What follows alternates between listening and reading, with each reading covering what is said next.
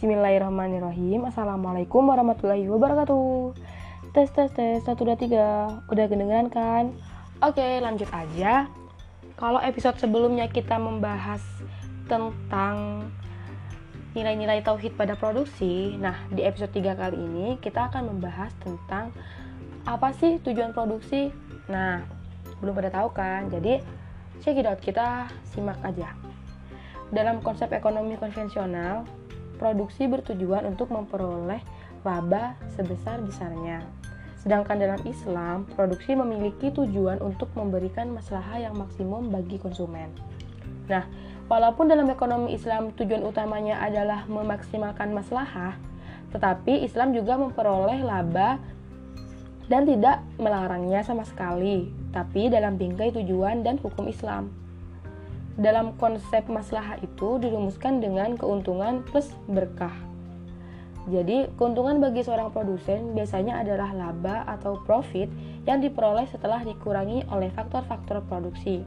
Sedangkan berkah berwujud segala hal yang memberikan kebaikan dan manfaat bagi produsen sendiri dan manusia secara keseluruhan. Nah, keberkahan ini dapat dicapai jika produsen menerapkan prinsip dan nilai Islam dalam kegiatan produksinya.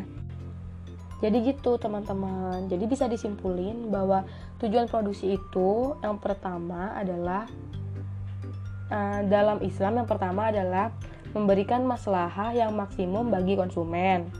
Terus yang kedua mencari uh, keberkahan dan dan dibolehkan mencari atau memperoleh laba yang banyak, tapi tidak lupa dengan kemaslahatan, kemaslahatan tersebut. Yang ketiga, dalam berkah itu yaitu harus mewujudkan kebaikan dan manfaat bagi produsen sendiri dan manusia secara keseluruhan. Jadi kurang lebihnya seperti itu ya. Oke deh. Itulah tujuan-tujuan dari produksi. Mungkin episode kali ini sampai situ aja. Uh, aku rasa kalian udah paham ya. Uh, jangan lupa kalau kalian belum dengarkan podcast aku yang sebelumnya, bisa langsung aja dicek di podcast aku yang sebelumnya. Terima kasih. Wassalamualaikum warahmatullahi wabarakatuh.